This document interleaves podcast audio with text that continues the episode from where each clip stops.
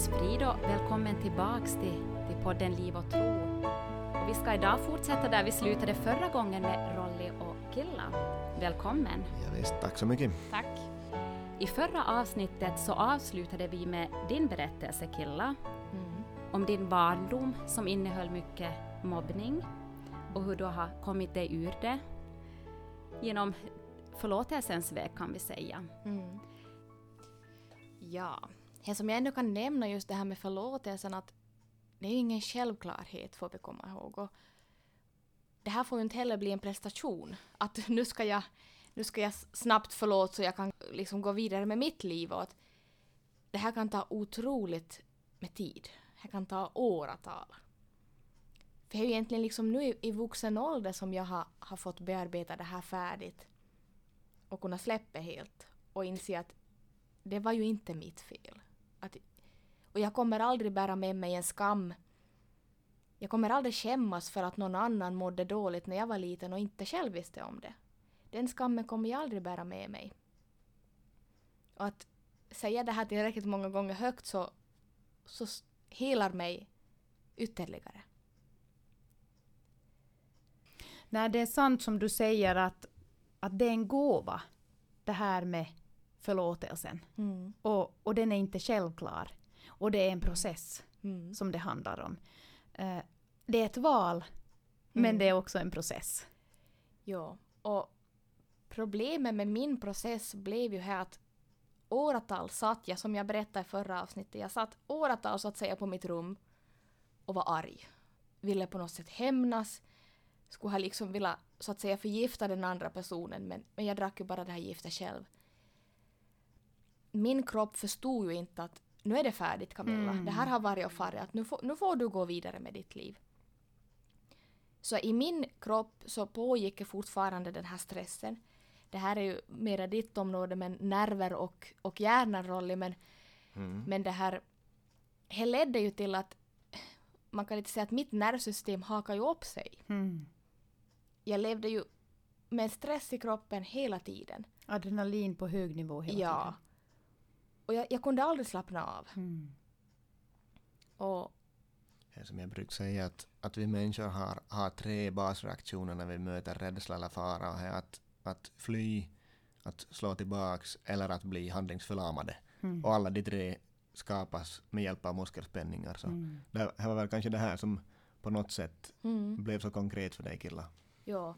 Och sen just att jag sa ju det här terapeuten min så, så vi, vi började lyfta på locket. Mm.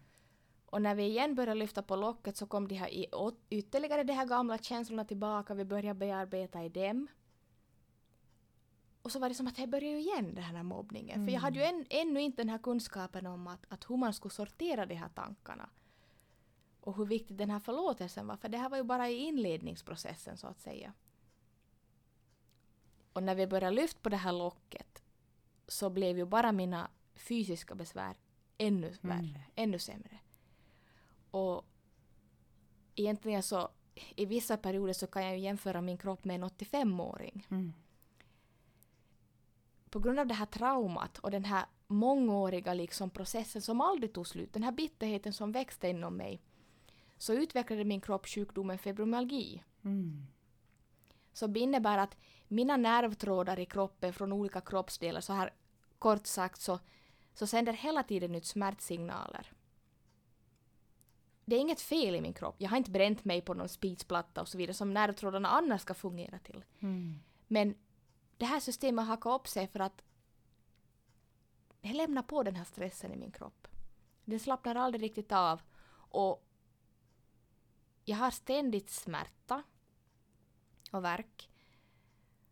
Och det här var ju en väldigt stor sorg att Mm. få en så dålig kropp och dålig hälsa som knappt 20-åring. Mm. Precis. Och inse att det här är ingen sjukdom som går att bota. Mm. Det finns lindring.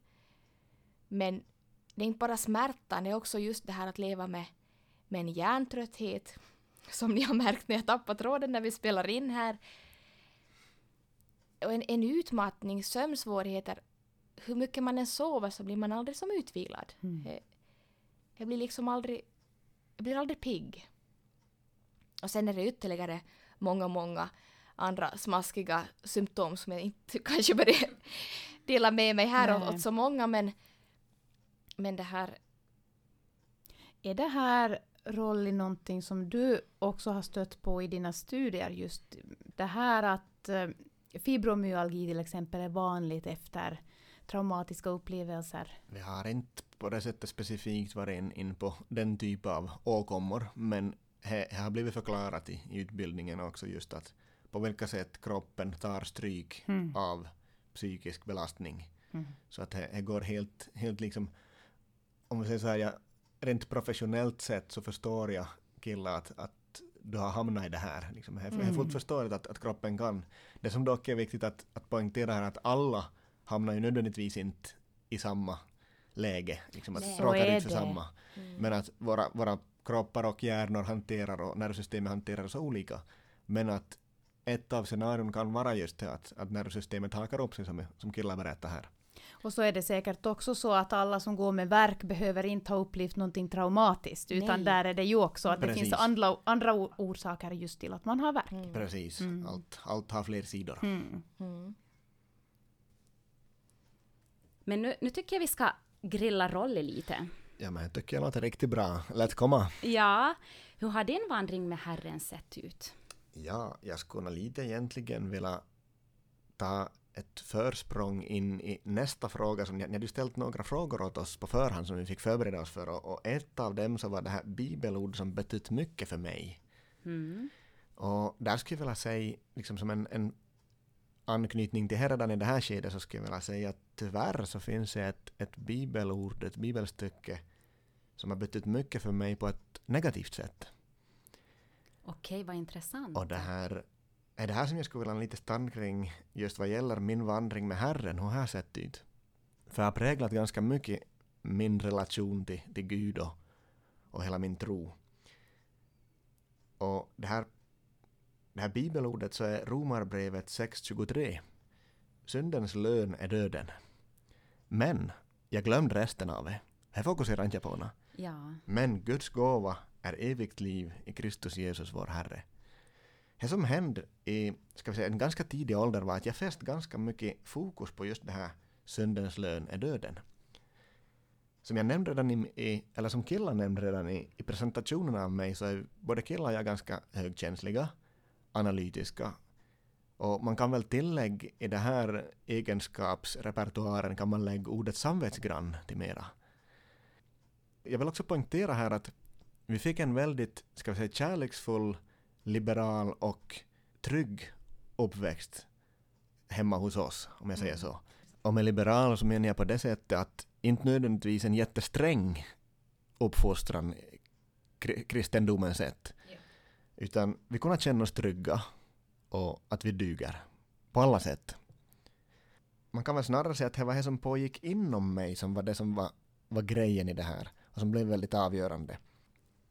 Just det här bibelstycket som, som ju fastnade väldigt hårt i mig, just det här både rakt av, just det här Romarbrevet 6.23, men också generellt i, om vi då säger i predikningar överlag, så, så är just den här rädslan som är skapad kring att är jag okej?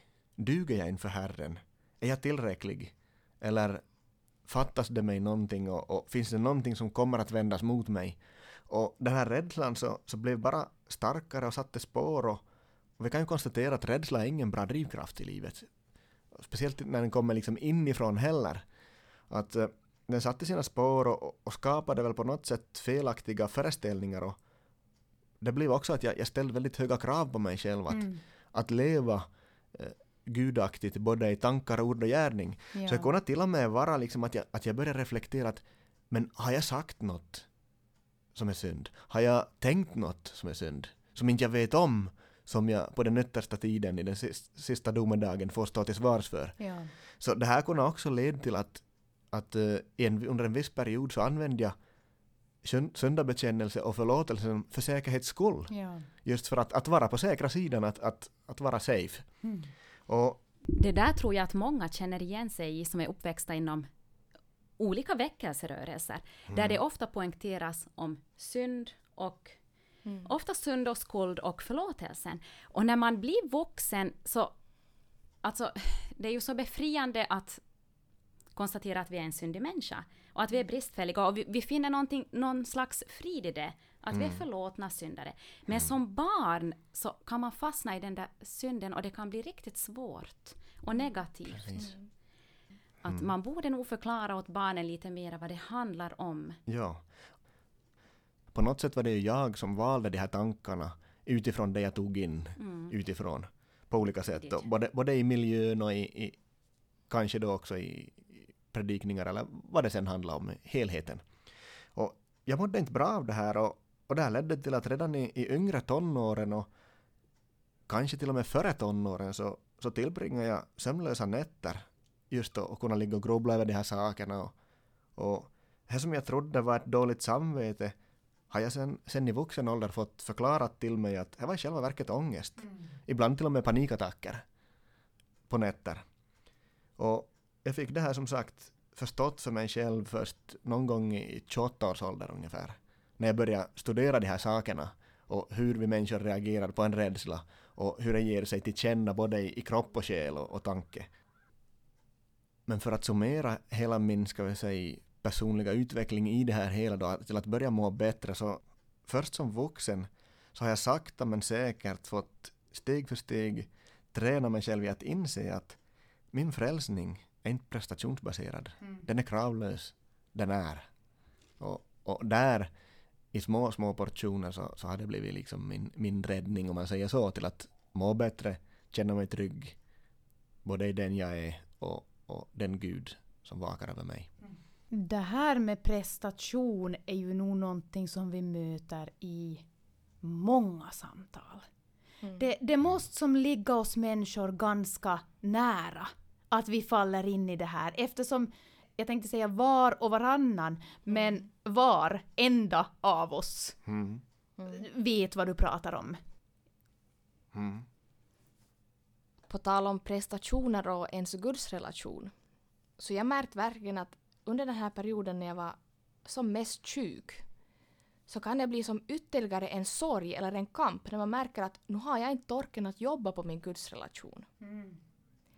Att det blir liksom ytterligare en arbetsuppgift så att säga.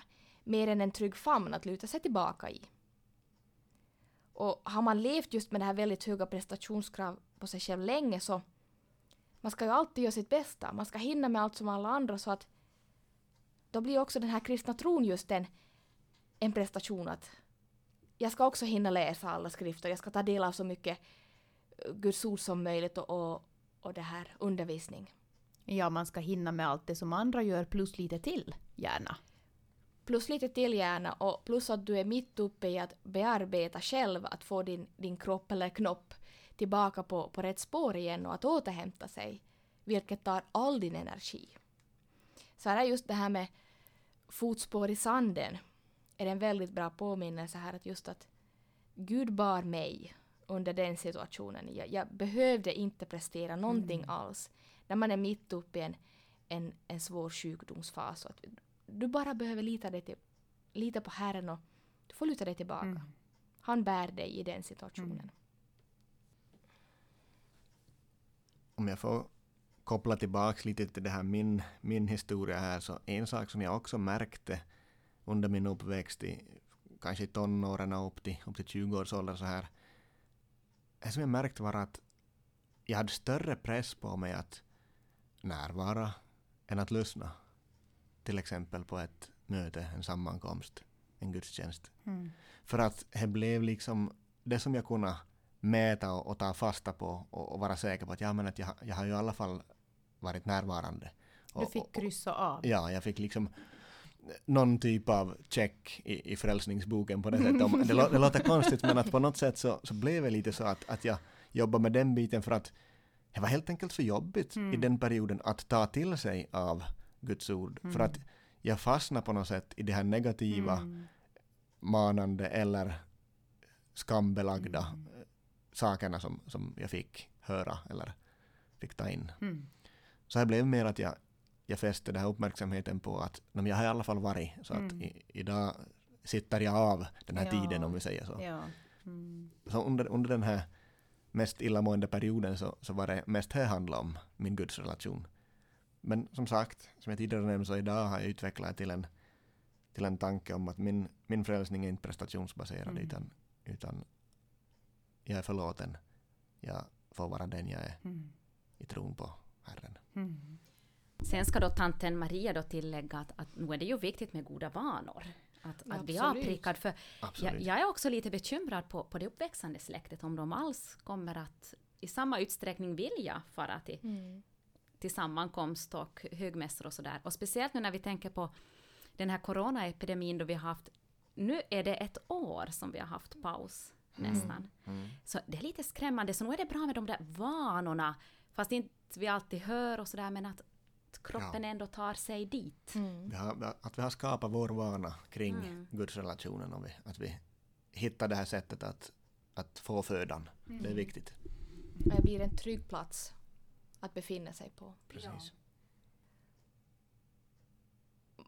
En sak som jag ännu vill säga gällande det här med prestationer och vad jag märker att Guds ledning har varit som det tydligaste i mitt liv. Okej. Gud sände mig min man i min väg när jag var 15 år och som mest trasig så att säga. Mm. Det var här liksom det här när jag började jobba. Jag började re- reda ut mig själv. Jag fick den här tiden och möjligheten. För då lugnade allting ner sig. Jag fick vara, vara i fred så att säga. Jag Mm. behövde få inse mitt värde. För man är ju som så otroligt trasig efter allt det här föraktet som har kommit utifrån men som har blivit ett, ett självförakt helt enkelt. Och det konstigaste i den här situationen är att Herren sände mig en person i mitt liv som värderar prestationer så lågt som jag aldrig träffat någon Mm. göra. Det är hans humor.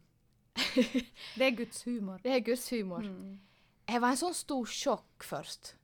Men sen insåg jag att det här är ju en lärdom.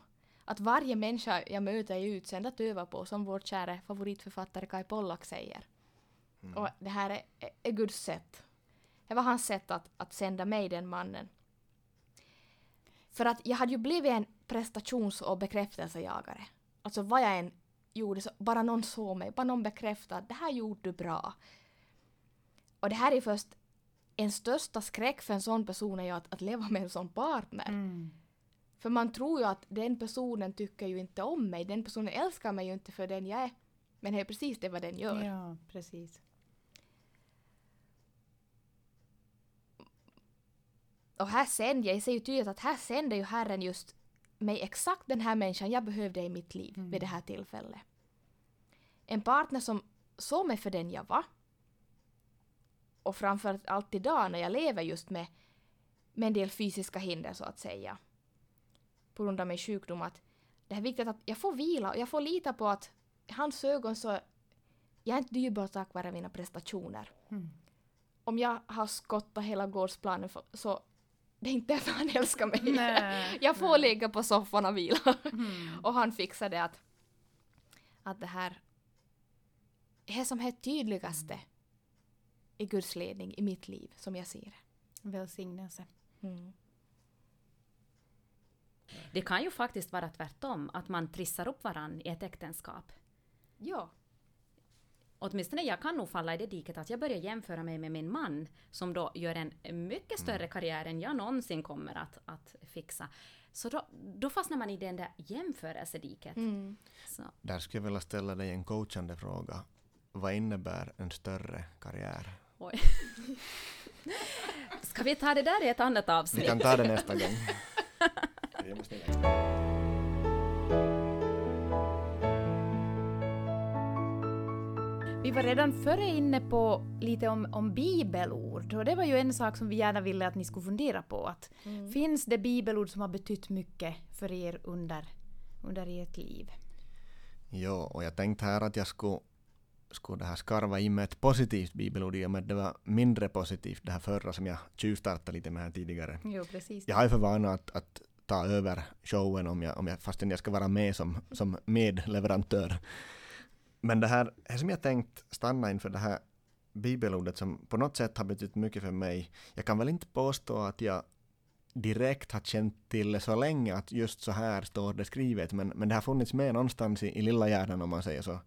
Och här är första Johannesbrevet 3.17. Om någon som har vad han behöver här i världen ser sin broder lida nöd men stänger sitt hjärta för honom, hur kan då Guds kärlek förbli i honom? Mm.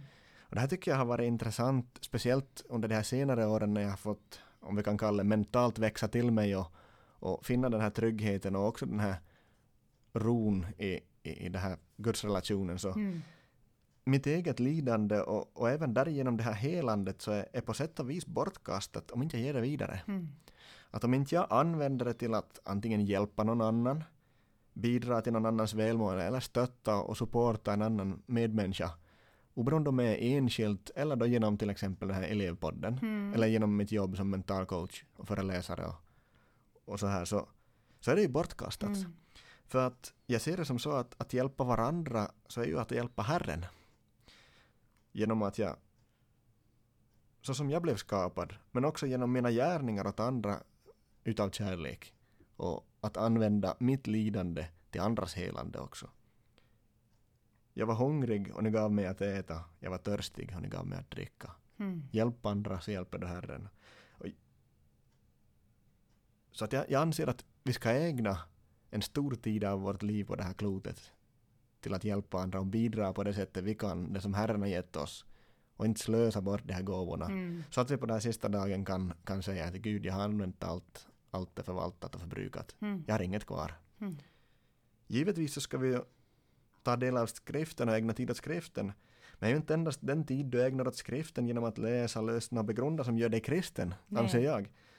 All den här tiden däremellan också. Mm. Tänk till exempel på det här klassiska uttrycket om, om att kämpa med sin vikt och övervikt. Det är ju inte det som du äter mellan jul och nyår som, som skapar din kroppsvikt, utan det är som du äter mellan nyår och jul.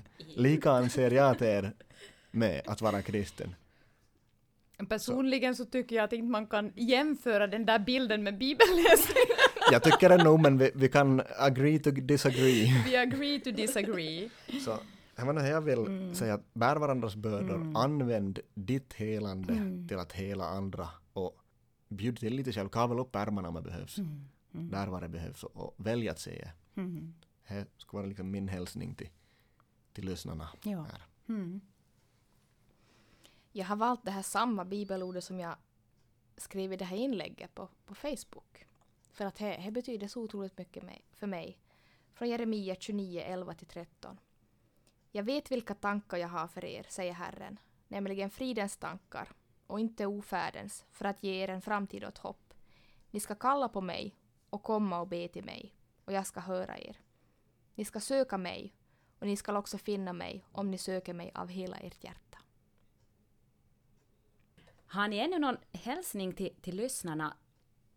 Men egentligen så skulle jag kunna återkomma till det här som jag sa tidigare. Bär varandras bördor och bidra med det som du har, det som du har fått eller det som du har lidit och helat. Jo, det där tyckte jag var väldigt viktigt och jag kommer att ta till mig av det där. Det är så viktigt för vi är redskap i hans hand. Och det, man behöver inte vara en, en personlig coach eller, eller riktigt sådär hög, högutbildad. Bara där du är i Mm. vardagen. Exakt, det är som är viktigt att där du är, vad gör du med det du har, där du befinner dig? Det är viktigast. Alla behöver inte starta en podd eller skaffa sig ett yrke inom det. Men vi kan allihopa bidra på vårt sätt. På det som känns rätt för dig. Nej, alla ska knappast starta en podd. Lika som alla inte passar att vara psykolog eller andra typ av yrken. Vi har våra gåvor, precis som du sa.